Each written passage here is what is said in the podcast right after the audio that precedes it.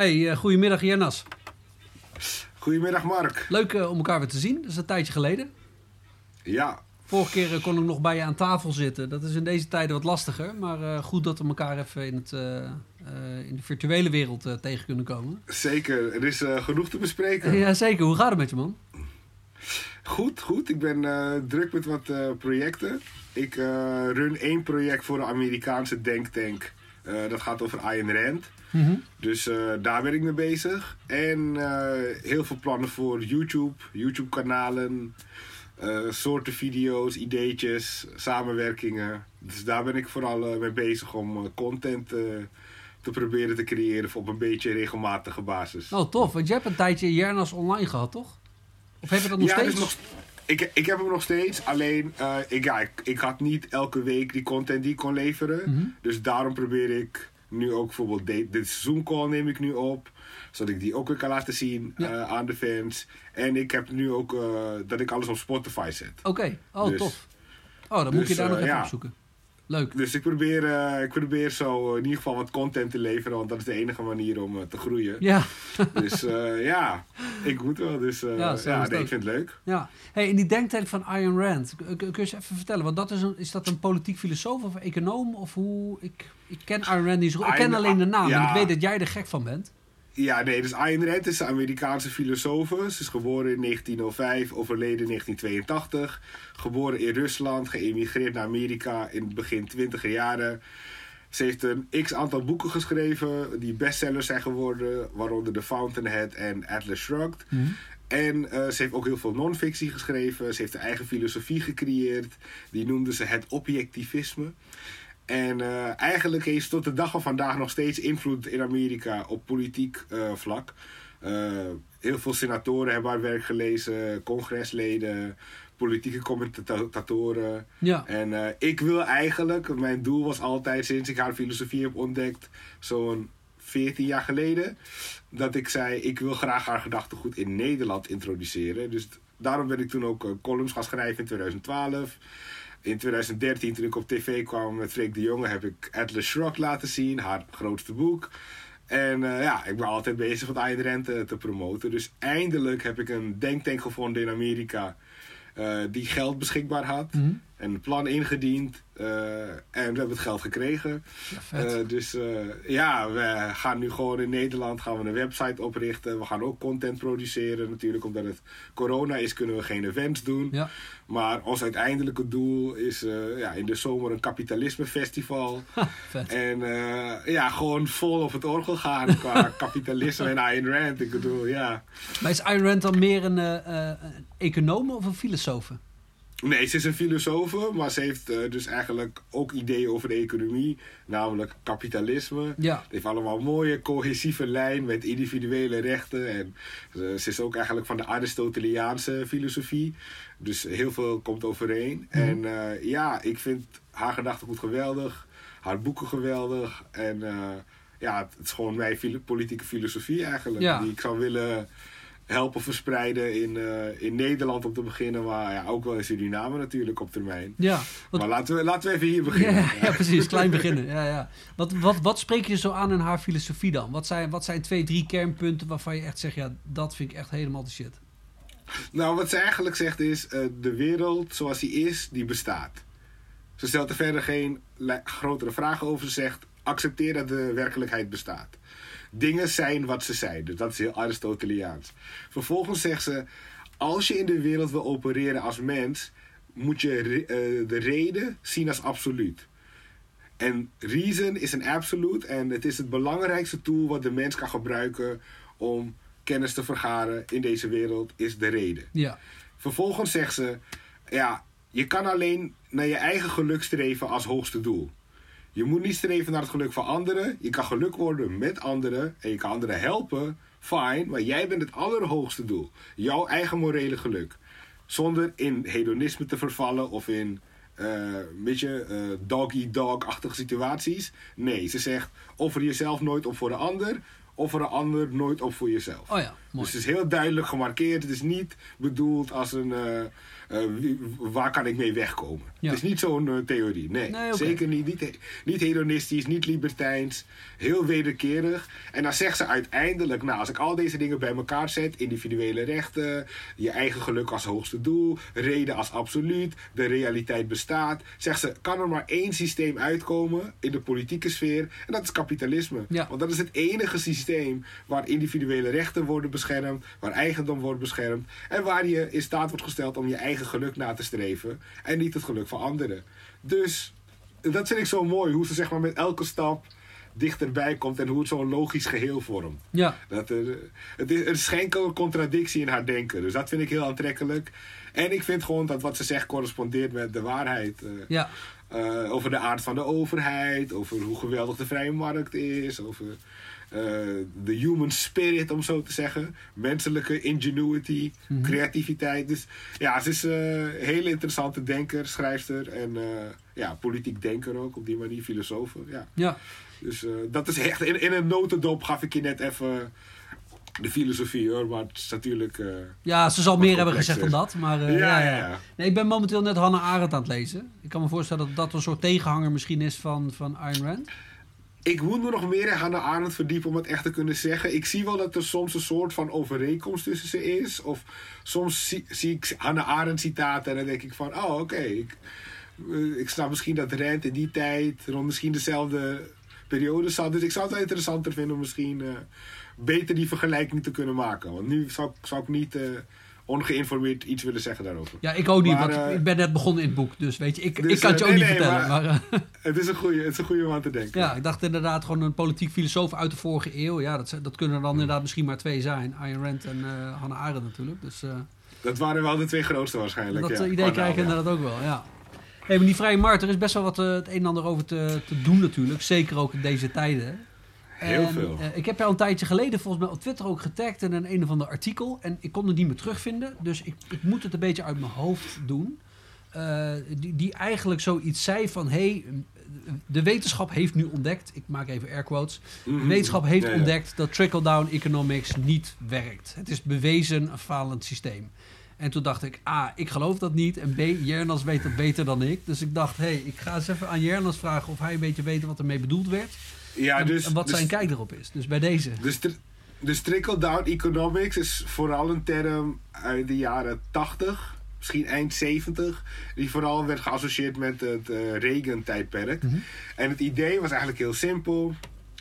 Eh, als de rijke mensen rijker worden, gaan ze hun geld ergens moeten uitgeven. Dus nou ja, persoon wordt rijker, die gaat een broodje kopen. Nou, iemand verkoopt een broodje, wordt daar weer beter van. Dus op die manier gaat het naar beneden sijpelen, als het ware, de welvaart. Ja, En op zich, als je erover nadenkt, klinkt het niet gek. nee. Toch? Tenminste, als ik het op het eerste oor zo hoor, denk ik... Ja, er zit wel iets in. Rijke mensen moeten hun geld kwijt. Mensen worden niet minder van als andere mensen rijker worden. Want kapitalisme is niet één vaste taart. Het is een continu reizende taart. Het is geen zero-sum Dus- game. Nee. Precies. Dus vanuit die optiek denk ik van... Ja, het klinkt best oké. Maar het is niet alsof dit... ehm, hoe moet ik zeggen? Het is geen morele code of zo. Snap je wat ik bedoel? Eh, mensen kunnen ander gedrag vertonen. Mhm. Er kunnen redenen zijn waarom rijke mensen misschien minder broodjes gaan kopen... Ja. maar meer aandelen. Ja, Dus tuurlijk, eh, ik, ik zou niet zeggen dit gaat altijd op trickle-down economics. Maar ik vind in algemene zin de aanname niet bizar. nee. Dus dan zou ik willen kijken, hoezo niet? Waarom zijn rijke mensen toen meer aandelen gaan kopen? Of, snap je wat ik bedoel? Ja. Dat is voor mij wat interessanter.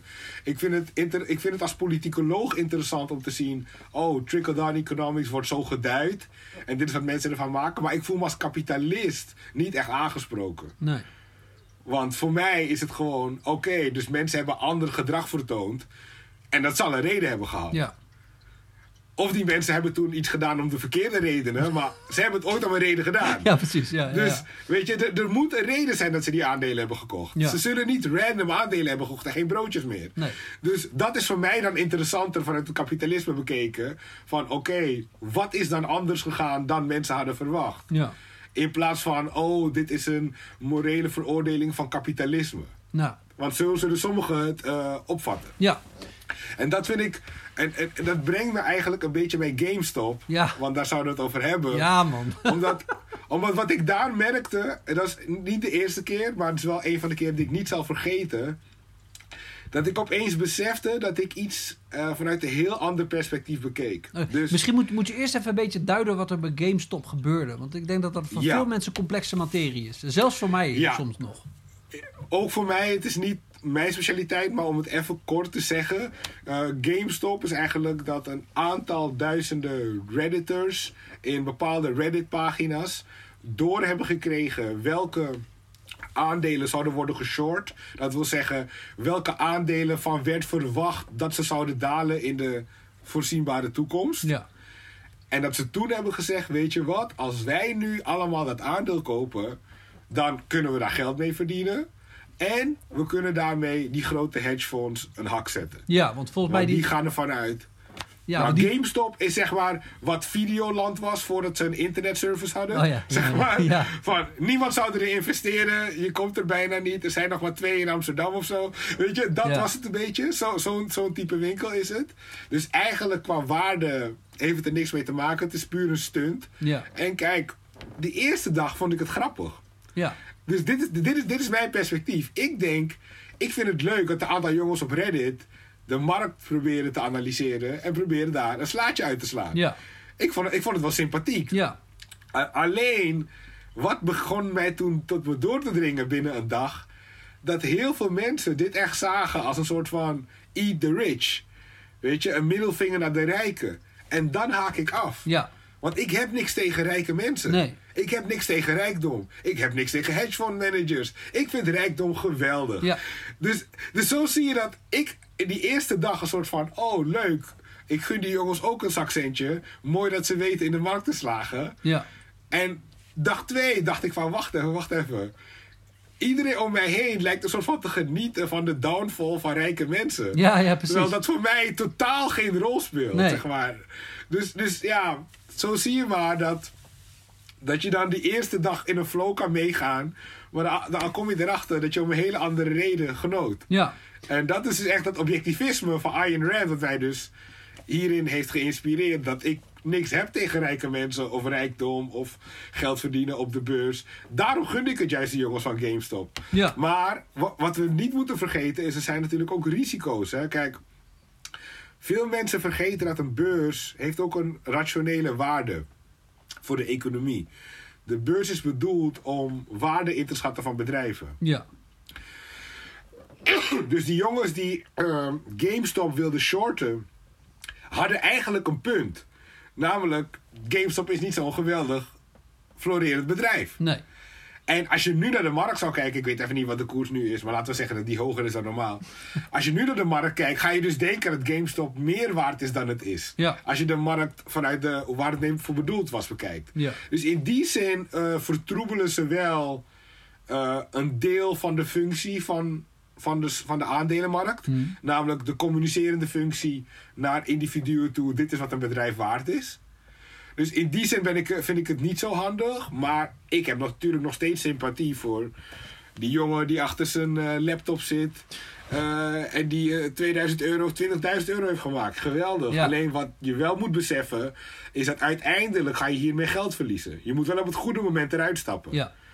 En ik denk dat die mensen van Reddit op het juiste moment eruit zijn gestapt. Want die lijken me aardig in de leer te zitten. Ja.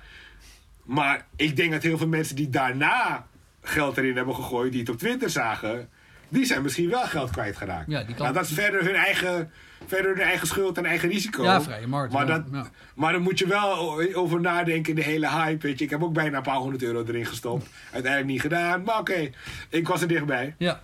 Dus Ja. ik, ik, zie het, ik zie het in principe als iets eh, onschuldigs. Ik vind het ook niet erg dat hedgefonds een keer tegen eh, een blauwtje lopen. Of dat ze misschien wat scherper worden op wie ze gaan shorten de volgende keer. Ja. Dat vind ik in principe prima. Eh, en ik vind ook, eh, ik werd ook een beetje boos op Robinhood. Robinhood was de app eh, waar via mensen die aandelen kochten. En op een gegeven moment ging Robinhood de aankoop van die aandelen beperken en zelfs eh, stoppen. Ja. En dat was helemaal in hun recht. Weet je, we weten niet wat de motivatie is. Maar dat was helemaal. het is een privaat bedrijf. Ja. Zij mochten dat doen. En toen gingen heel veel mensen doen alsof Robin Hood een soort van tool van het instituut was om arme mensen arm te houden. Toen dacht ik van oké.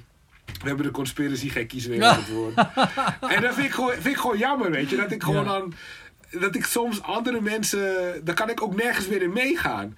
Want dan blijkt dat het zo eh, negatief was gefundeerd. Ja. Weet je, want waarom geniet je van GameStop omdat rijke mensen geld verdienen? Waarom geniet je niet van GameStop omdat een paar st- studenten rijk zijn geworden? Ja. Dat vind ik een veel leuker perspectief. Ja, dan veel sympathieker. Ja. iemand eh, heeft een paar miljard verloren. Ha ha ha. Oké, een beetje voor de underdog zijn is me ook niet vreemd, weet je. Maar echt zo genieten van het verlies van grote bedrijven, mwah, vind ik een beetje, beetje matig. Ja. Dus, nou ja, het, het is een les voor mij, ook voor de volgende keer als zoiets gebeurt, dat ik ook beter weet van oké, even kijken waarom deze mensen eigenlijk blij zijn. En dan had ik misschien wat eerder wat scherper kunnen zijn, maar we leren er allemaal van. Ja, ja, zo is dat. Ja, wat maar het was zeker interessant. Zeker interessant. En wat, wat echt ziet is, kapitalisme staat zo onder druk nu. Ik ben zo blij dat ik er nu al ben. Om een beetje het tegengeluid te geven. Want hoe Want komt dat dan, dat dat zo onder druk staat volgens jou? Ik, ja, ik denk gewoon dat. Kapitalisme is nooit goed uitgelegd. Kapitalisme is nooit als moreel systeem uitgelegd. En op het moment dat je iets niet als moreel systeem uitlegt, maar presenteert als een noodzakelijk kwaad in het, in het beste geval. En een soort van kwaadaardig systeem waar we niet omheen kunnen in het meest slechte geval. Ja. Ja, kan je dan verbaasd zijn dat mensen niet denken dat kapitalisme moreel is? Als dit de manier is hoe je dat ze presenteert? En ja, daar zie je gewoon de zwakheid in. Ik weet zeker dat als we kapitalisme, weet ik veel, laten we zeggen vanaf de Koude Oorlogtijd, hadden gepresenteerd aan onze kinderen als moreel systeem. En we hadden dat heel goed uitgelegd waarom eigendomsrecht moreel is. Dan zouden we nu een veel sterkere reactie kunnen geven op kritiek op kapitalisme. Ja.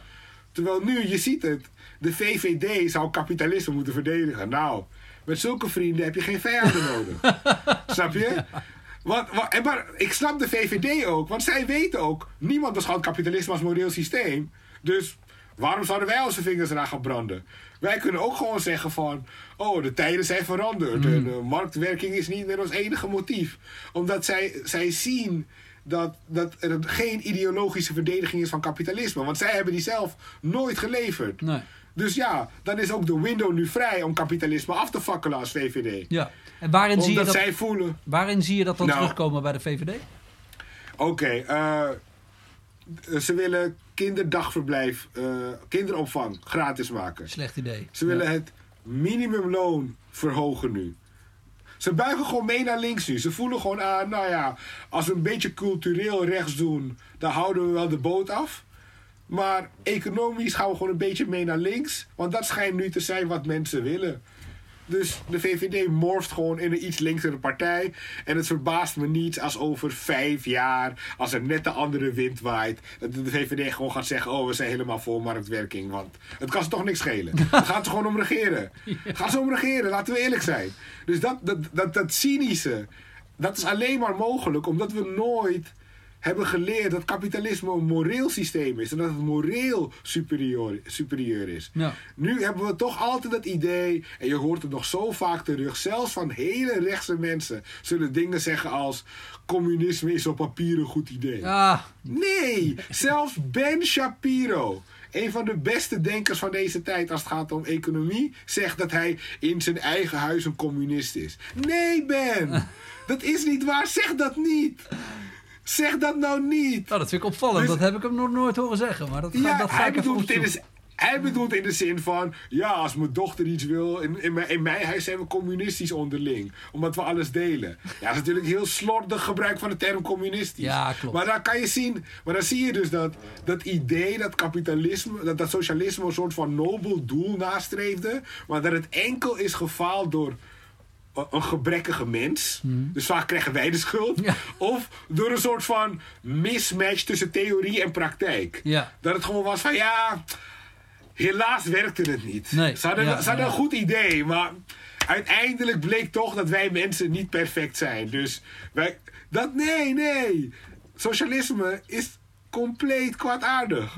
Vanaf elk moment. En het ging in tegen de menselijke aard. En het is goed dat de menselijke aard zich niet kan plooien naar socialisme. Ja. Dat is een goed ding, zeg maar. Dus ja, dat punt, weet je, dat wordt veel te weinig gemaakt. Maar je ziet het ook, hè. Kijk, types die zichzelf liberaal noemen, hè. Sander Schimmelpenning is aan het pushen voor eh, gesubsidieerde kinderdagverblijven. En hij zegt gewoon, dan moet je dwang gebruiken, zegt hij ook. Ja, die vrouwen werken te weinig. Dus Sander Schimmelpenning vindt dat vrouwen meer moeten werken. Dus hij gaat dan dwang ervoor gebruiken. Nou ja, dit is een liberaal. Ja, geloof ik dan ook niet, nee. Nee. 10, 10 15 jaar geleden hadden we dat niet gezegd. Nee. Dus, dus daarin zie je wel echt dat we. Ja, we zijn, er, eh, we zijn echt in een hele slechte staat qua, qua rechts-economisch bewustzijn. Ik bedoel, Wierduk wordt rechts genoemd, is gewoon een PvdA eh, qua economie. En weet je, niemand neemt ook, neemt ook het risico. Want waarom zou je nu je kapitalisme gaan verdedigen? Het is helemaal niet populair, je wint er niks mee. Er is verder niet echt een een prijs of zo mee te behalen. Nee. Ik bedoel, je hebt een enkele columnist, eh, misschien een Marianne Zwagerman, dat die af en toe iets zal zeggen van. Mensen moeten niet zo zeiken, want ze kunnen gewoon op de markt of zo, weet je? Mhm. Maar dat is het wel een beetje. Ja, wat hebben we in Nederland wel- geen fatsoenlijke denkers of politici die echt Nou, zeggen, op jouw niveau kapitalist eh, zijn? Nou, er was laatst eh, een artikel van Matthijs Bouwman, de econoom, waar ik niet altijd fan van ben, waar BNR, hij toch? inderdaad. Eh, eh, ik weet niet zeker. Volgens, voor, voor, de, voor de FVD. of, of FD. FD, Of sorry, FD. ik heb hem, eh, ja, Ja. check, FD. Hij had een goed stuk over dat de crisis liet zien dat de overheid vertraagt en dat de markt al die eh, eh, vaccins heeft geregeld, et cetera. Een Ja. zeldzaam bericht, positief over kapitalisme. Ja.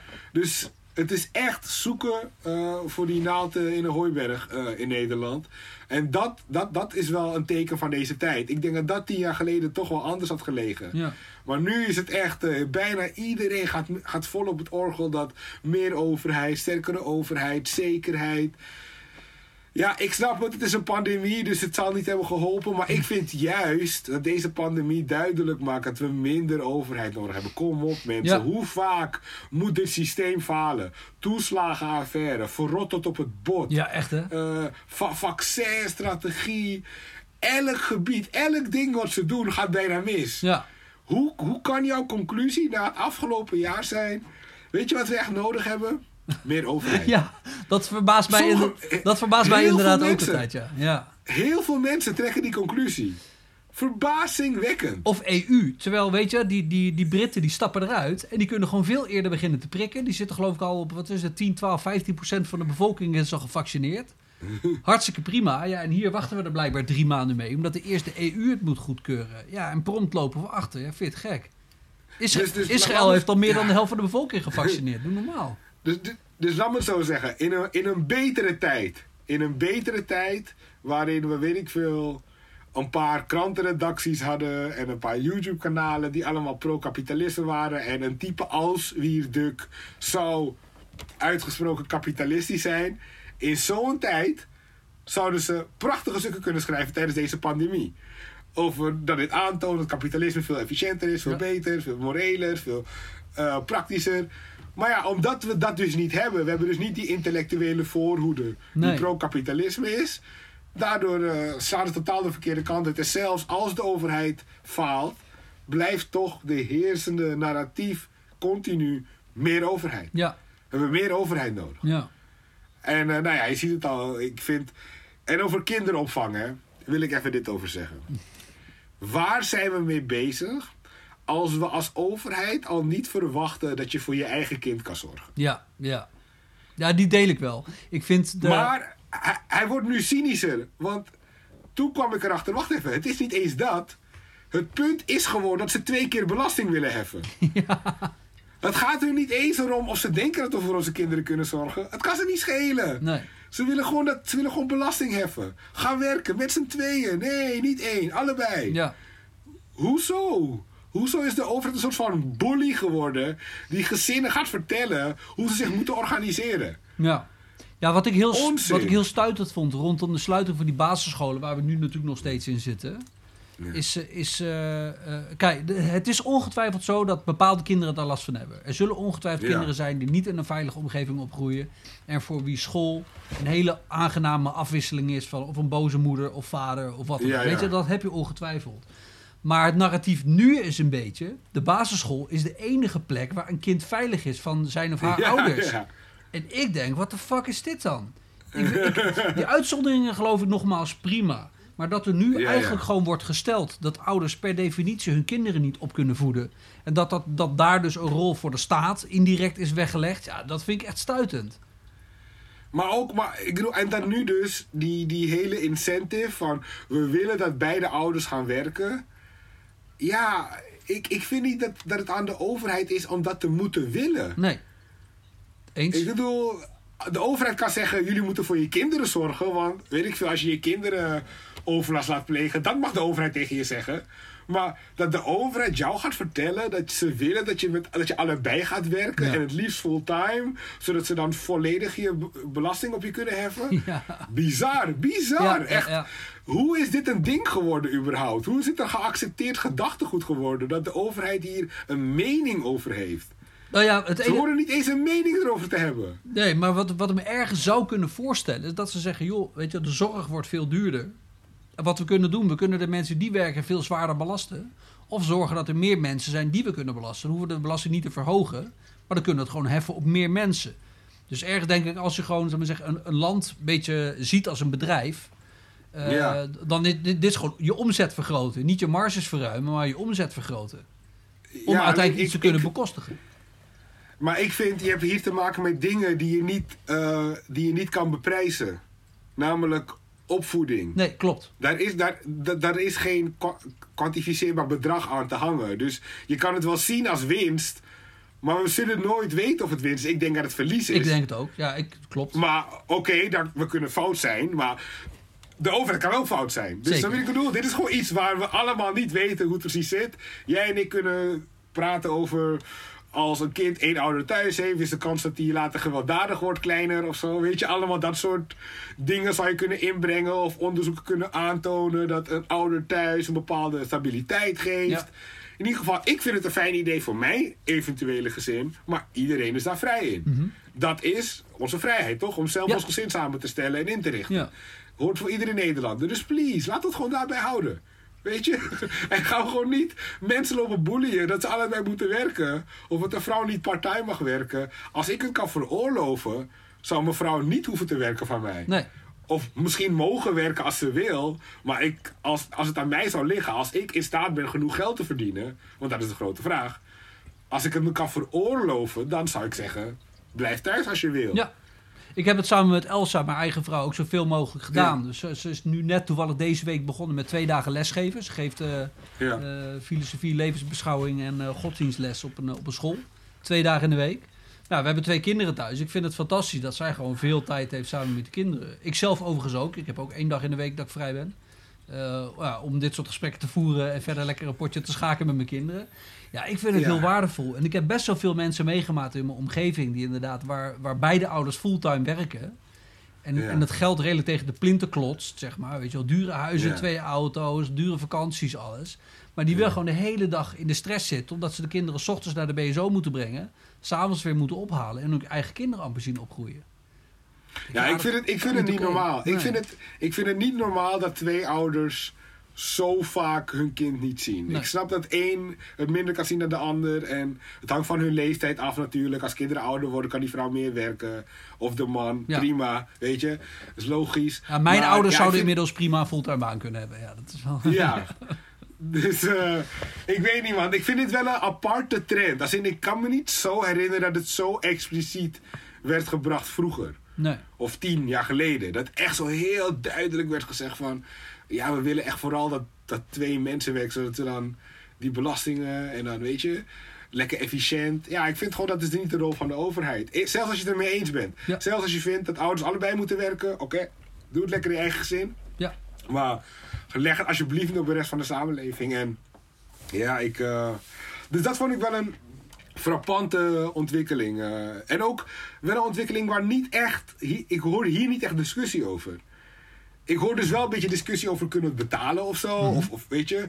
Maar niet echt deze fundamentele discussie van wie is de overheid om dit te vinden überhaupt. Ja. Even los van of we het goed of slecht vinden. Je mist even de, de, de morele discussie Ja, meer dan de economische, die- zeg maar.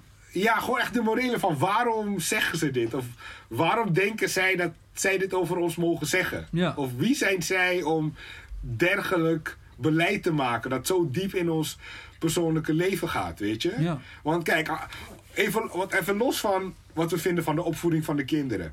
Hoe zit het moreel tegenover de kinderlozen in de maatschappij?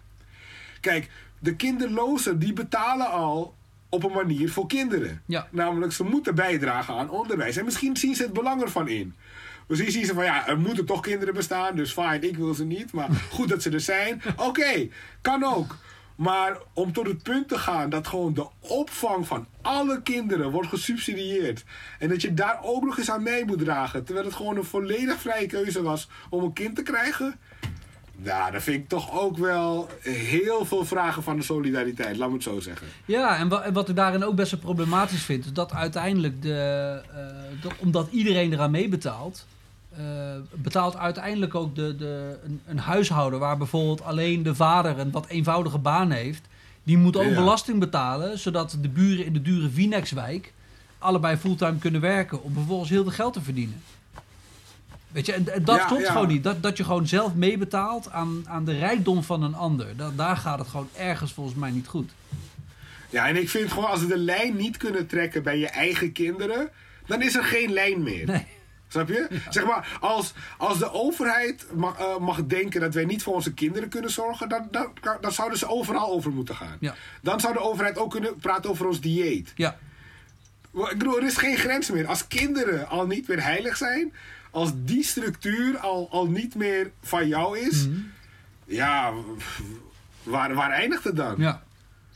En ik, ik vraag me af of mensen dat wel doorhebben. En dat hele machinale idee van al die kinderen in die, in die kinderopvangverblijven. Ik krijg er gewoon best wel een naar gevoel bij. Ja, ja. En dan zo'n overheid. En dan gaat die overheid ook eh naschoolse opvang doen. En inderdaad, dat punt wat je net maakte van de, de, de school als veilige omgeving. Er wordt echt gedaan alsof eh, ja, de overheid ouders moet helpen in de opvoeding echt. Ja, en ook... Alsof en, ouders soort van incapabel zijn. En gevaarlijk misschien zelfs. ja, nou, en het was het niet Jesse Klaver die laatst ook al pleitte voor schoollunch of schoolavondeten of ontbijt? Of, eh, Ja, ja, kijk, ik- Ja. kijk ik vind hè, ik vind hè, het is tot daar aan toe dat je wil zeggen, zouden we niet een budget kunnen maken voor kinderen die echt hongerig zijn? ja. Dat, dat is prima, ik ben- weet je wel? Ik ben niet van overheidsingrijpen, maar ik probeer mijn mind even wat neutraler te maken. Ja, ja. Oké? Dus, oké. Ik kan me voorstellen dat je zegt, eh 10.000 kinderen in Nederland lijden honger eh, in de lunch. Kunnen we daar iets voor doen? Ja. Kijk, dat zou een oprecht idee van een links iemand kunnen zijn. Ik kan er tegen zijn om, om, om economische redenen of whatever. Maar ik zou het soort van kunnen respecteren op zichzelf. ja. Maar om de stap te maken naar... We moeten alle lunches gaan subsidiëren voor iedereen. Denk ik altijd, wow, het gaat jou niet om de mensen helpen die behoevend zijn. Jij wil gewoon een soort van power move maken. Ja. Want door die lunch heb je weer invloed op het dieet van alle kinderen. En dan ga je ze natuurlijk vegan dingen aansmeren. Weet je, ik begin dan dingen te zien van, dit gaat om veel meer. Ja, ja, ja. Dit gaat niet om die paar duizend kinderen die oprecht honger hebben te helpen. Ja. Want daar zou ik het minst problemen mee hebben van alle plannen. het gaat om het grotere idee. Ja. En datzelfde geldt voor kinderopvang. Als het plan was, er zijn sommige ouders die het niet kunnen betalen om hun kinderen te laten opvangen. Bla bla bla. Kunnen we die misschien helpen met een regeling? Misschien tot daar aan toe. Ja, als je hulp nodig hebt, moet je erom vragen. Maar nu wordt het andersom gebracht. Nee, nee, nee. Iedereen krijgt de hulp. Ja. Ja, en dan vermoed ik altijd dat er hele duistere motieven achter zitten. Dus dan En gaat het veel meer niet- over de ideologie die je drijft en niet zozeer over de handeling die je voorstelt. Ja. En dan gaat het dus niet om die paar ouders die echt het niet kunnen betalen. Dan gaat het je om macht over kinderen. Ja. Ki- En volgens mij hebben ze hier dat een tijdje geleden in Amerika veel gezeik over gehad. Want daar hadden ze ook van die overheidslunches. eh, die Ja. die kinderen op school zouden krijgen. Ik heb er een paar foto's van gezien. Het was, het, het was echt verschrikkelijk. Het was het was echt. Eh, nou, ik wil niet zeggen concentratiekampvoedsel. Dat, dat, dat, dat, dat- la- laten we daar niet aan tornen. Maar gevangenisvoedsel, laten we het zo zeggen. Een, eh, Maar- een van de meest controversiële eh, handelingen van Margaret Thatcher trouwens in het begin van haar carrière was dat zij had melk op school gesaneerd. Oh, echt? Want schijnbaar kreeg je toen een pakje melk of zo. en dat had ze toen geschaft. En dat is een van de eerste dingen waar mensen heel boos over werden. Oh, shit. Toen van, oh, hoe durft ze? Maar zij had waarschijnlijk zoiets van, wat, wat zijn we aan het doen? Ja, zeg maar. ja, ja. We geven ieder kind een pakje melk. Dus eh, nee, nee, in andere landen is het een groter issue. In Nederland is eh schoollunch niet echt een groot issue. Maar in Engeland en in Amerika is het een wat... eh, Ja, Ja, gaat het langer in, mee onderwerp. Het probleem in Amerika daar ook was dat je gewoon dus niet ook je eigen lunch mocht meenemen. Dat was dus ook verboden. Ja. Je moest en zou het overheidsvoedsel eten. Ja, en als dat Ja, dan zo slecht is, dan denk ik, ja, dan gaan er vooral heel veel kinderen op achteruit. En misschien een paar op vooruit. Dat vind ik dan leuk voor, de, voor degene die, die er iets beter van worden. Maar laten we niet vergeten wat we allemaal kapot maken. Ik vind het echt een slecht idee. Hé, hey, eh, valt even weg. Ja, ja. Ehm, en de subsidiëring ervan. Dus het laatste punt daarover. Dus wat ik wilde zeggen is: stel je voor als nou een school eh, zou weten welke ouders in nood zijn. Ja. En de school zou naar hun toe gaan en zeggen van... hé, hey, we hebben hier een 100 euro per maand. Die mogen we jullie geven. Eh, niemand hoeft daar verder iets over te weten, weet je. Geen publiekelijke schande met het arme tafeltje of zo. Ja, ja. Dat, dat vind ik veel fijner. Eh, als ik erover na moet denken Mhm. en ook eerlijker dan ja, een soort van algemeen beleid voor heel Nederland. Ja. eh, wat altijd de, de, ne- de neiging lijkt. eh. dus nou ja, dat, dat is een beetje het verschil voor mij tussen een soort van oprecht linksplan, waar ik het waarschijnlijk mee oneens ben, of waarvan ik twijfel aan de werking, Ja. versus een soort van machtsovername met hele duistere motieven erachter. Ja. Hey, waar ik dan benieuwd naar ben, hè, want je bent eh, denk ik een stuk kapitalistischer nog dan ik. Je hebt er in ieder geval meer kennis van. La- la- la- laten we daarmee beginnen. Maar jij, jouw grens waar het kapitalisme zou moeten stoppen is misschien ergens anders dan de mijne. Eh, ik, ik ben benieuwd naar wat jouw kijk is eh, als het bijvoorbeeld gaat op het hele idee van belasting heffen, op welke rol de overheid zou moeten spelen in het financieren van zorg bijvoorbeeld. Hoe kijk je tegen dat soort dingen aan dan? Nee, dus ja, in principe wil ik, wil ik die dingen ook een markt maken. Ik, ik snap, ze hebben misschien niet de prioriteit voor mij. Mhm. Kijk, eh, weet je, er zijn genoeg andere dingen die we eerst kunnen doen. Maar als je me vraagt uiteindelijk, Ja. als we jouw koers zouden volgen, eh, ja, dan zou, dan zou de zorg ook volledig een markt zijn. Ja. Al In, in mijn ogen. Maar iemand die daar eh, tegen zou zijn, en het, het zou voor mij trouwens ook een oprechte vraag zijn. Stel je krijgt een tumor en je moet een chemobehandeling en die kost je, weet ik veel, 80.000 euro of zo. Wat, wat doe je met zo'n gegeven? Heb jij zoiets van, hey, de markt eh, zorgt ook voor eh, verzekeringen en kan daarmee alsnog een oplossing bieden? Of zeg, ben jij meer Ja, van het kamp, dus hey, de- jouw probleem? Of hoe? Kijk, de markt, en dit is wat, wat de overheid zo aantrekkelijk maakt. Want de overheid geeft eh, fake garanties Mhm. en fake zekerheid. Maar de markt geeft geen zekerheid. Dus ja, in mijn systeem kan het dat als jij morgen een aandoening krijgt, zeker als er eentje is die vrij zeldzaam is, of die misschien nog niet zo goed kan worden behandeld, Ja. dan zou het zomaar kunnen dat jij ook in een kapitalistisch stelsel met alle efficiëntere eh, apparaten die er dan zullen zijn, alsnog heel veel moet betalen. Dat zou kunnen. Ja. Alleen mijn vraag aan jou is: heb jij liever een nieuw ontdekte ziekte in een kapitalistisch stelsel of in een socialistisch stelsel? ja, nee, dan, dan alsnog dat eerste. Dus ja. Ja, dan alsnog dat eerste. Je weet dat, ze- jij, zelfs je weet, ook al is het 80.000 de kans dat een crowdfunding, een dokter, een universiteit op mij wil experimenteren en me wil onderzoeken. Gewoon, je weet dat die kans dat dat soort fenomenen er zullen bestaan. Mhm. Groter zal zijn. Je kan nog steeds sterven. Ja. Het is nog steeds mogelijk dat je, dat je pech hebt gehad eh, in net een variant van kanker die nog niet goed is bestudeerd. Of, tuurlijk, het zou kunnen. Maar ik vind niet dat je politiek moet baseren op noodsituaties. Nee, nee daar Dus het is, niet dat ik, eh, het is niet dat ik niet wil reageren op de noodsituatie, dat ik geen idee heb van hoe het kapitalisme zou reageren. Ik vind gewoon niet dat dit de manier is om, om, om tot een finaal oordeel te komen, laat me het zo zeggen. Ja, Dus ik denk dat kapitalisme beter in staat is om crisis, zo'n crisis aan te pakken. ja. Ik denk, ik denk dat Uh, alleen wat het verschil gaat zijn met kapitalisme bijvoorbeeld, als het gaat om goede doelen. Ja, wat wel kan gebeuren, is dat je geen goede doelen zal hebben voor sommige drugsverslaafden. Misschien.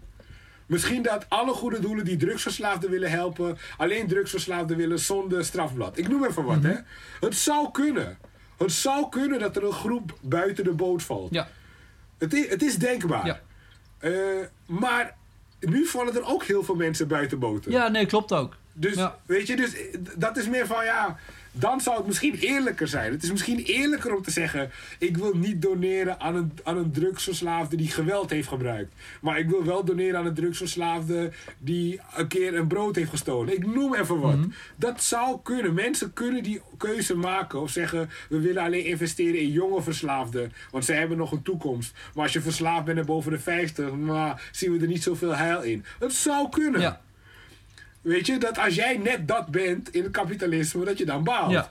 En dat je dan misschien nu net beter uitkomt. Ja. Maar nogmaals, ik wil niet een, een samenleving baseren op inderdaad drugsverslaafden of tumor, Nee, klopt. die bijna niet voorkomen. Weet je, Maar- en, en, en maar- andersom werkt het inderdaad ook, weet je. Als je zegt van, joh, ik wil dat eh, mensen geholpen worden die eh, financieel moeilijk zitten en weet ik wat allemaal. We hebben met die uh, kindertoeslagaffaire natuurlijk gezien dat een overheid dus ook niet in staat is om zomaar mensen te helpen. Ook die mensen zouden beter af zijn misschien in een veel kapitalistischer systeem, waar ze niet toeslagen kregen die ze moeten terugbetalen aan een overheid die absolute macht over ze heeft en weet ik wat allemaal. Dus ook daarin denk ik, ja joh, eh, hoe minder hoe beter natuurlijk. dus- jullie dus meer ja, of minder overheid? Ja. Als het gaat om zorg, ja, uiteindelijk wil ik het als een, als een volledige markt zien. Het heeft gewoon nu even misschien niet de prioriteit. En ik snap dat het voor mensen mentaal, emotioneel, soort van lastig is om, om zorg als een product te zien. Eh, ja, ik denk dat het ook gewoon te maken heeft met hoe we praten over kapitalisme. Ja. Weet je, als je iets niet goed promoot, moet je niet verbazen dat mensen daar een verkeerd idee over hebben. Nee. Dus, dus daar is dan mijn missie. Om mensen te laten inzien dat kapitalisme een heel vriendelijk systeem is. Eigenlijk juist van de samenwerking is. eh, en dat het eigenlijk juist gericht is op menselijke vooruitgang. Ja. En dat het een win-win is. Dat dat het idee is achter kapitalisme. En zeker niet dat één profiteert en de ander het slachtoffer is. Want ja, dat is een eh, barbaarse samenleving. Ja. Dus, dus ja, dat punt, weet je, van eh, dat hele van, oh, het killen kapitalisme. Ik vind helemaal niks kills. Nee, ik ook niet. Ik vind, Nee. ik vind het juist mooi dat, eh, dat mensen zo gewoon hun eigen dingen kunnen nastreven. Ja. En ehm, dat zal met goede doelen ook gebeuren. Je zal hele specifieke goede doelen krijgen.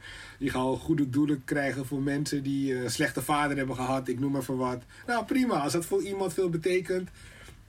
En die vindt het fijn om daaraan te doneren. Fijn, dat is eh, gewoon de menselijke, de menselijke keuze. Ja. Dus ik zie wel echt een probleem met inderdaad hoe, hoe kapitalisme wordt besproken. Zeldzaam positief. eh, en wat ik zeg, op zijn best een noodzakelijk kwaad. Ja. Dat is echt, dat is in Nederland al vrij goed. Ja, ja, precies. Als iemand, als, als iemand bijvoorbeeld een Jort Kelder type of zo. Weet je, die zouden kunnen zeggen van ja, oké, maar we kunnen ook niet zonder. Ja. ja. Hey, ben je ook altijd een kapitalist geweest of niet? Of is dit iets wat zich de laatste jaren heeft ontwikkeld? Nee, ik uh, erger nog. Ik was uh, twee jaartjes van mijn leven, twee, drie jaartjes, was ik heel erg into marxisme. Maar dat was voor de basisschool? Of uh, hoe, hoe, oud was je toen? Nee, dus dit was 15 tot en met 18, ongeveer die periode. En toen op mijn 18, 19e las ik Ayn Rand. En eigenlijk sindsdien... Genezen. Heb ik het achter me gelaten. uh, ik moet wel zeggen dat het meer was gericht op buitenlands beleid. Als in, ik was iets meer into de Cuba en de Palestina. En een soort van derde wereld, revolutie. Ik was meer in die sfeer marxistisch. Dan dat ik echt op economisch gebied me enorm had verdiept in het marxisme. Ja. Dus dat is het enige wat ik kan zeggen in mijn verdediging. ja, dan kom je goed weg, voor, de rest heb ik, voor de rest heb ik geen verdediging voor het buitenland. Maar ik vond, ik, vond, ik vond iets heel romantisch aan de Cubaanse revolutie. Eigenlijk nog steeds, hè. zal ik eerlijk zijn. Ik bedoel, 80 man die een dictator afzetten. Dat, eigenlijk heeft het iets heel romantisch. Ja. Ik bedoel, verschrikkelijk wat ze daarna ermee hebben gedaan. Maar ik, ik, ik snap nog steeds dat ik, dat ik daar toen toe werd aangetrokken. Ook omdat het Zuid-Amerika was. Ik kom uit Suriname. Ik heb iets met Zuid-Amerika, met Caribisch Ja, gebied. ja, dus daardoor raakt het een extra snaar, kan je zeggen. uh, in die tijd. Maar uh, daar ben ik inmiddels al uh, bijna 15 jaar overheen. Ja, nou gelukkig dus, maar. dus, maar nee, ik had inderdaad een tijd dat ik vooral qua buitenlands beleid echt meer richting Marxisme ging en anti-Amerika Ja. ook was. Ja, maar dat is aardig voorbij dus inmiddels. Ja, nee, dat is, eh, ligt, ver, ligt ver achter ons. Ja. Hey, en hoe zie je eh, jouw plannen voor komend jaar en wat, wat zie je voor Nederland voor komende, komende periode op stapel staan? Ja, ik heb deze komende verkiezingen mentaal afgeschreven. Oké, wat dan? Nou, gewoon als in, ik verwacht er helemaal niks van. En het kan eigenlijk alleen maar slechter worden Mhm. of status quo.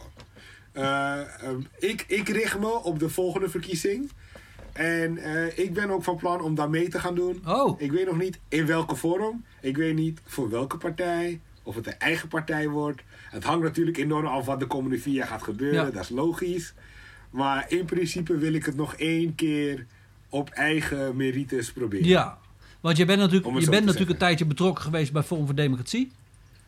Klopt, dat is- maar dat was nooit echt mijn hele eigen verhaal. Ik was erbij, ik heb het gesteund, Ja. ik geloofde erin. Ja. Nou, ik ben van de koude kermis thuisgekomen. Ja, we zijn eh, een jaar verder en eh, de vlag hangt er anders bij, helder. Ik heb geen spijt dat ik toen ervoor heb gekozen. Ik snap nog steeds waarom ik dat Ja. deed.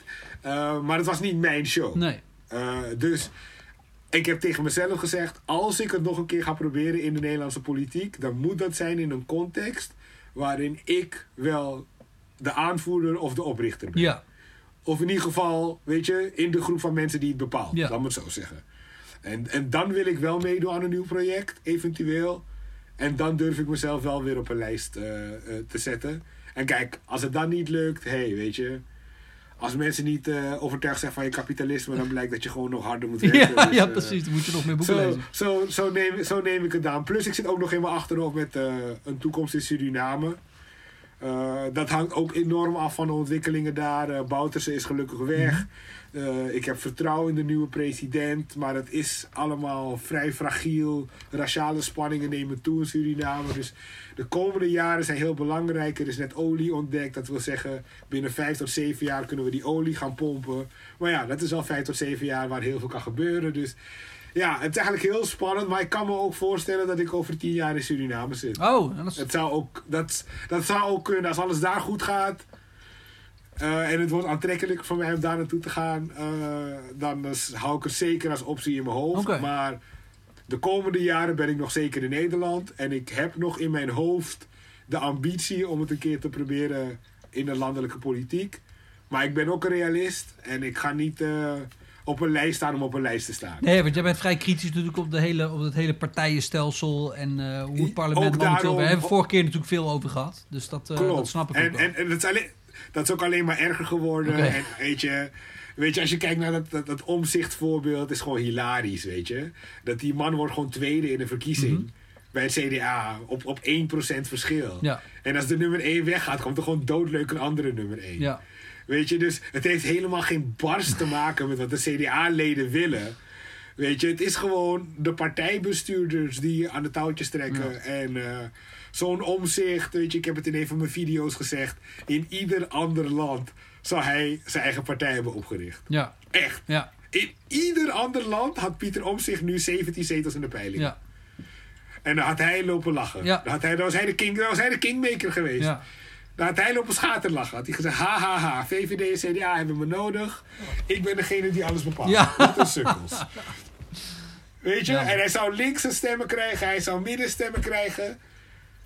ja hij is- Maar dus, dat, is heel, dat, is heel, dat zegt iets over Nederland, hè? Dit zegt iets over de entrepreneurial spirit van Nederland.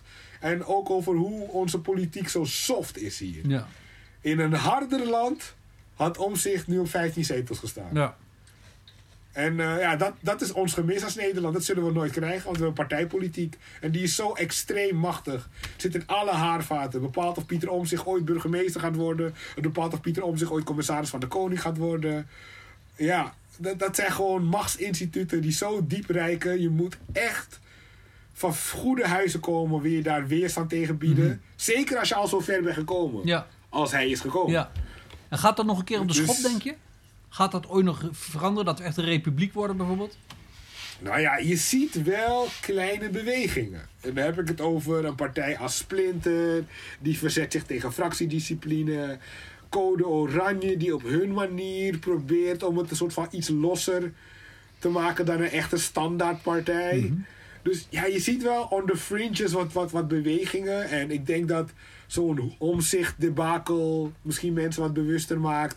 Maar ook de partijpolitiek bij FVD was natuurlijk een drama. Uiteindelijk ging het daar allemaal over wie mag een lijstje maken. Ja. Weet je, daar ging het uiteindelijk over. Het ging niet echt over inhoud meer. Nee. Eh, dus ja, als je dat allemaal ziet.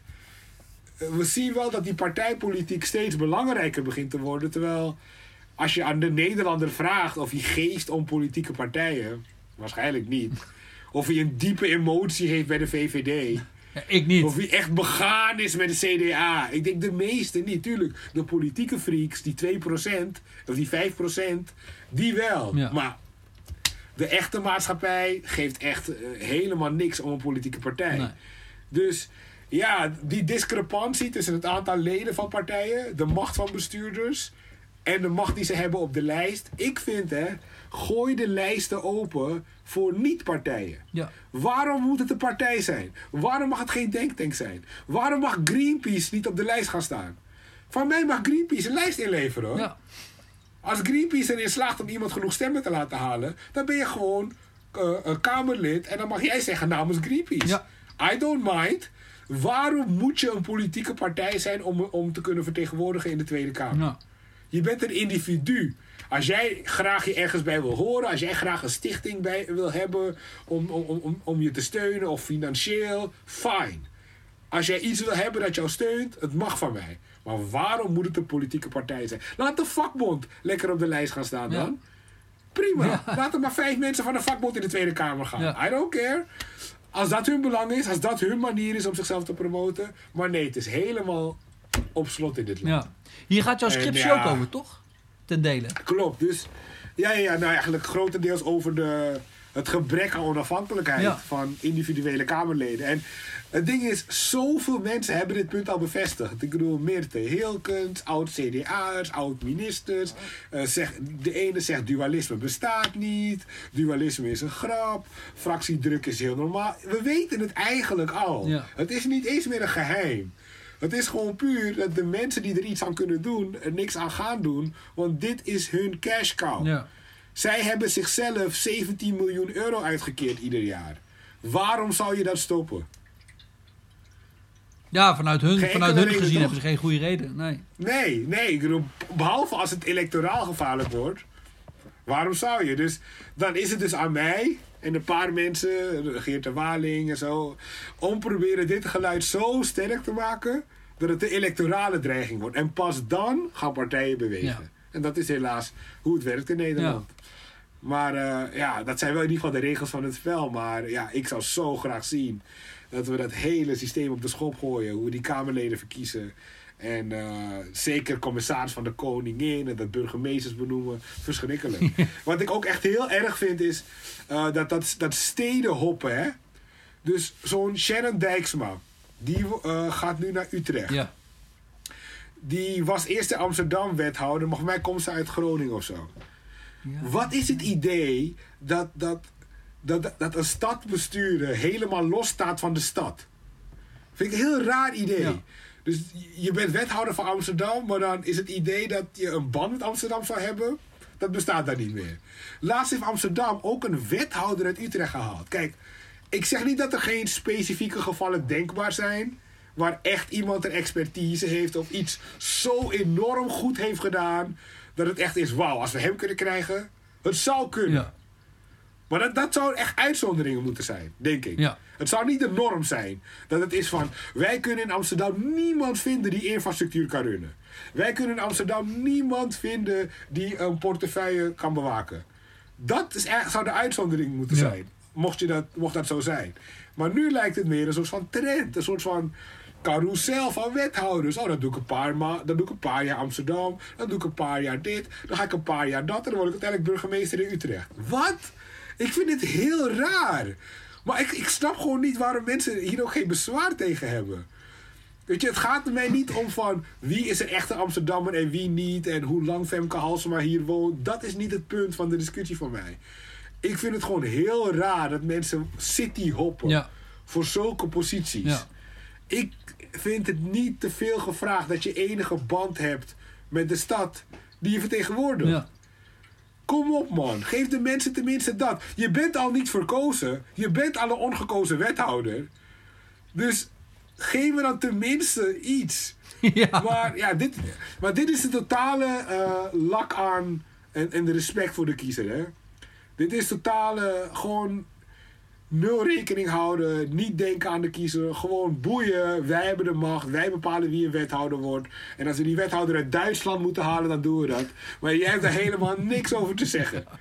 Want, want ja, waarom niet? Waarom geen Duitse wethouder? Als hij het heel goed in Keulen heeft gedaan, misschien kan hij bij ons wel het, het, het, het verkeer regelen, toch? Ja. Ik bedoel, wa- wat is de grens hier? Ja. En dat zijn van die dingen die me heel erg storen, maar waar ik merk dat ik echt de enige ben die me er druk op maakt. want, ik zie echt, want ik zie echt nauwelijks backlash gewoon. Als dit soort dingen gebeuren, gewoon een paar kritische tweets, that's it. Ja. Niemand maakt zich er echt druk om het de wethouder wordt geïmporteerd. Ja, dat kan aan mij liggen. Nou ja, misschien dat, je, dat eh, kijkers even kunnen reageren of ik helemaal alleen sta hierin. Ja. Of dat meer mensen die frustratie hebben. Maar ik vind het gewoon niet normaal. Nee. Zeker, zeker Amsterdam. Kom 800.000 mensen. Als het nooit is dat je een hele klein dorp hebt. En je hebt niet alle professionals daar. En iemand komt uit een nabijgelegen, iets groter dorp. Misschien is er iets voor te zeggen. Maar Amsterdam kan niemand vinden om een, bepaalde, om een portefeuille als infrastructuur te bewaken. Ja. Dat is toch belachelijk. Ja. Dat kan je toch niet verkopen aan de mensen? Nee. Nee, ja, blijkbaar. Maar ja, dat- Ze dat- krijgen het voor elkaar, blijkbaar, helaas. Dat is de normale praktijk nu Ja. in, in Nederland geworden. En dat vind ik wel. eh, en dat is die hele managerial class. Hè, dat hele management denken. Ik zag eh, vandaag nog een tweet van Geert de Waling over dat we steeds minder gemeentes krijgen. En dat sommige gemeentes kloppen helemaal niet hoe het een gemeente is. Die worden bij elkaar gepleurd. En dan, oh, laten we deze drie dorpjes hier. eh, ja, dat is dan één gemeente, dat is handig. Want dan, weet je, dan hebben ze een lekkere bestuur. Het, zo wordt er gedacht, maar het heeft niks te maken met de mensen. Nee. Of met deze dorpen voelen een gelegenheid voor elkaar of zo. Of, ik heb niet, niks tegen fusies in principe. Het kan dat het soms handiger is. Maar ja, kan het ergens gebaseerd zijn op wat de mensen willen? Of is het puur gebaseerd op handigere lijnen? En dan is het handig, want dan is dit riviertje net bij dat dorp, zodat we dan. Weet je, ik vind gewoon niet dat de overheid het land zo moet inrichten. Nee. En we gaan enorm die kant op. Ja. En eh, dus dat is wel iets. Ik, ik, ik zie een link met dat systeem. Eh, maar ik denk dus dat het systeem heel veel dingen doet die we niet zien. Dus dit is één aspect. Ja. Maar ook, wat ik, mijn andere punt uit mijn scriptie, de kwaliteit van Kamerleden neemt af. En daarmee zal de kwaliteit van premiers ook afnemen. Weet je, mensen verbazen zich nu over Hugo de Jonge. En ja, hij doet het zo slecht en zo. Ja, hoe kan het verbazen dat we ministers krijgen die niet geweldig zijn... als we Kamerleden krijgen die niet geweldig zijn... en de meeste ministers zijn Kamerleden geweest. Ja. Niet iedereen, maar veruit de meeste. Ja. Ik bedoel, er zijn een paar die geen Kamerlid zijn geweest... en dat zijn de, de minst populaire, Ollongren en Kaag. Dus aan de ene kant krijgen we ministers waar, waar niemand om geeft... als Ollongren en Kaag, Ja. die heel machtig zijn... En aan de andere kant krijgen we ministers die niet goed zijn in kwaliteit, omdat de hele Kamer aan het nivelleren is, omdat we alleen maar backbenchers hebben die hopen ergens burgemeester te worden. Ja. Dus dan kan het je ook niet verbazen dat de top ook minder goed gaat worden. Ja. Dus ja, dit is iets wat ik nog nooit heb gehoord van een andere politicoloog. Over die kwaliteit van leden. Je hoort wel over de ondersteuning die gebrekkig is. Mhm. Wat een heel goed punt is. Je hoort inderdaad over het zetelrovers worden bestraft. Terwijl zij zich eigenlijk aan de wet houden. Ja. Heel veel rare dingen gebeuren daar in die Kamer. Maar ik denk het meest onbesproken punt is gebrek aan kwaliteit. Daling aan kwaliteit van Kamerleden is een logisch gevolg van hoe we ons systeem hebben ingericht. Ja. En het gaat alleen maar erger worden de komende jaren. En we gaan alleen maar van die Rutte-types krijgen. Dat wil zeggen, we gaan van die managers krijgen die op de winkel kunnen passen. Ja. En we gaan continu dat soort types krijgen. En daarmee kom je niet vooruit. Nee. Nou ben ik heel benieuwd wat voor types jij wel zou willen. Maar ik zie dat het tien over twee is. En jij moet zo weg, toch? Of niet? Ja, ik moet zo naar werk. Eh, ik wil gewoon een type die me toch een beetje kan inspireren. Oh, maar dan Want- weet ik wel. kijk, Want de Partij van de Eenheid, die had er eentje op de lijst staan. Die stond op nummer drie, Ja, toch? nee, die dame met die piemeltaarten. maakt Die maakt een mooie taarten. Ja, nee, ik... Kijk, ik, ik, ben niet, ik ben niet de grootste fan van hem. Maar even qua uitstraling dan. En niet per se qua beleid, hoewel ik hem wel heel sterk vond na die aanslagen laatst in Frankrijk. Macron straalt tenminste wat uit. Hij is echt niet mijn ideale politicus. Maar het is tenminste iemand die, hoewel hij niet super dicht bij me staat, ik wel het idee heb, hij heeft een idee wat hij doet. Hij heeft een visie waar ik hem op kan beoordelen. En ik kan hem na vier jaar soort van beoordelen op zijn visie. Ja. En niet op zijn managerkwaliteit. Ja. Snap je? Maar een ander probleem, wat niet aan Rutte ligt, is... Ik vind ook dat de premier meer macht moet krijgen. Want ik denk ook dat een premier met weinig macht... En dat kennen we nu. Een premier is een veredelde aanvoerder. Ja. Dat leidt ook tot managertypes. Ja. Snap je? Want die is dan minder uitgesproken. Die kan minder zijn geluid laten horen. Die moet, die moet een beetje schipperen. Die moet continu de boel bij elkaar houden. Dus ik denk ook dat het systeem vraagt bijna om een managertype. Omdat je als premier niet een harde hand hebt. Voor mij zou Mark Rutte mogen gaan over de accijnsen. Lijkt me heel vet. Dat Mark Rutte ook kan zeggen... We zitten in een economische crisis, landgenoten. En daarom heb ik de beslissing genomen om de accijnsen een maand lang te stoppen. Toch vet. En daarna een maand kan de Tweede Kamer zeggen... Nou, Rutte, dit was een supergrote blunder. Of, Rutte, dit was een geniale set. Daar wordt de politiek wat interessanter. Zou, Dus dat zou ook op zijn minst interessanter. Ja, nee, dat is, dat is ja, zeker ja. interessanter. dus eh, ja, nee, nee. Dus dat zit ook nog eraan vast. Een andere rol voor de premier zou in mijn ogen ook horen bij een iets andere invulling van het systeem. Maar ja, je kan niet alles eh, in één dag veranderen. Nee. Dus we beginnen eerst met de Kamerleden. Maar ooit, hopelijk, kunnen we ook het premierschap in Nederland aanpassen. Ja. En dan word jij het met een beetje mazzel. Nou, misschien in Suriname. Hey, ga je nog een boek schrijven of zo? Of eh, hou je het vooral bij online content? Ehm, ik hou het wel bij online content. Ik, eh, ik moet mijn master in juni inleveren. Als ik dat heb gedaan, dan heb ik de mentale ruimte. Dan kan ik kijken of ik mijn scriptie en mijn master in een boekje ga zetten of wat dan Mhm. ook. Mijn master gaat trouwens over de oliefondsen in Suriname. En over hoe we die mogelijk zouden kunnen privatiseren voor de Surinaamse burgers naar Tsjechisch model. En als het goed is, eh, wordt mijn supervisor eh Dusan Triska. En dat is de privatiseringszaar van de Tsjechische Republiek geweest net na communisme. Dus hij heeft eh, ook met Margaret Thatcher en zo gewerkt. En Tsjechië is een van de landen waar privatisering, zelfs volgens vele critici, goed is gelukt. Oh, wauw. Oh, dat is Dus- interessant. Dat zou interessant kunnen zijn. Hopelijk komt alles goed daarmee. Eh, en dat zou voor Suriname ook nog eh, een werkbare masterscriptie moeten worden. Dat is tenminste het doel. Ja. Eh, zodat ik ook daar misschien een beetje ermee kan, kan verkopen. Maar ja, dat zien we in juni. Maar dat zijn in ieder geval voor de komend jaar de plannen. En de website Ayn Rand Alliantie is net online. Oh, ook net op, net op Twitter. Dus ga daarmee ook beginnen. Eh, dit videootje komt online. En ik wil meerdere gesprekken voeren. Ik heb vorige week Sargon of Akkad geïnterviewd. Oh, wauw, vet. Carl, Carl, Carl Benjamin. Eh, dus eh, ik ga ook op zoek naar grotere internationale mensen die ook al op YouTube wat bekender zijn. Eh, om te proberen die ook in de show te krijgen. Leuk, dus dat is een beetje voor de komende Nice. maanden mijn ideeën. Dus eh, ja, je kan wel een paar van de namen raden die ik in mijn hoofd heb. Ja, ja, ja. maar eh, we, gaan, we gaan kijken of het lukt. blijf het met in interesse geval één grote vis binnen. Leuk, man. Te gek. nou, Hey, bedankt voor je tijd, man. Ik vond het leuk om hierover door te praten. Iran Yes. gaan we volgen op Twitter. Nou ja, jou dan. De, de Alliantie. en met een beetje Yes. mazzel lezen. Ehm, en we spreken elkaar een andere keer weer. Bedankt voor je tijd. Ik vond het super. zeker weten. Yes, doei. Hey, zet hem op, man. Yo.